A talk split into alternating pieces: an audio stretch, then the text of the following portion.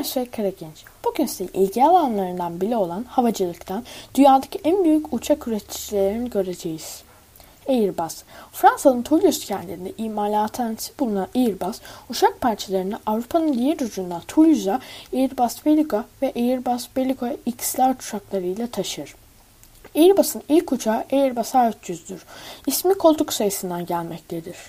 Airbus'un son montaj hattı ve genel merkezinin Fransa'da olması Airbus'un Fransız olduğu anlamına gelmez. Çünkü kanat, gövde, kapı, kapı gibi malzemeler Birleşik Krallık, İspanya ve Almanya gibi ülkelerden gelmektedir. Boeing, Amerika Birleşik Devletleri'nin Seattle kentinde imalathanesi bulunan Boeing, ülke içi ve dışında uçak partisi taşırken Dreamlifter uçaklarını kullanır. Boeing'in ilk uçağı Boeing 707'dir. Embraer Brezilya'da uçak üreticisi Embraer'in değeri yaklaşık 995 milyon dolardır ve 1969'da kurulmuştur.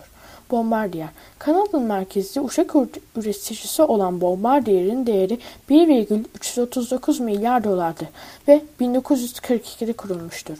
Beni dinlediğiniz için teşekkür ederim.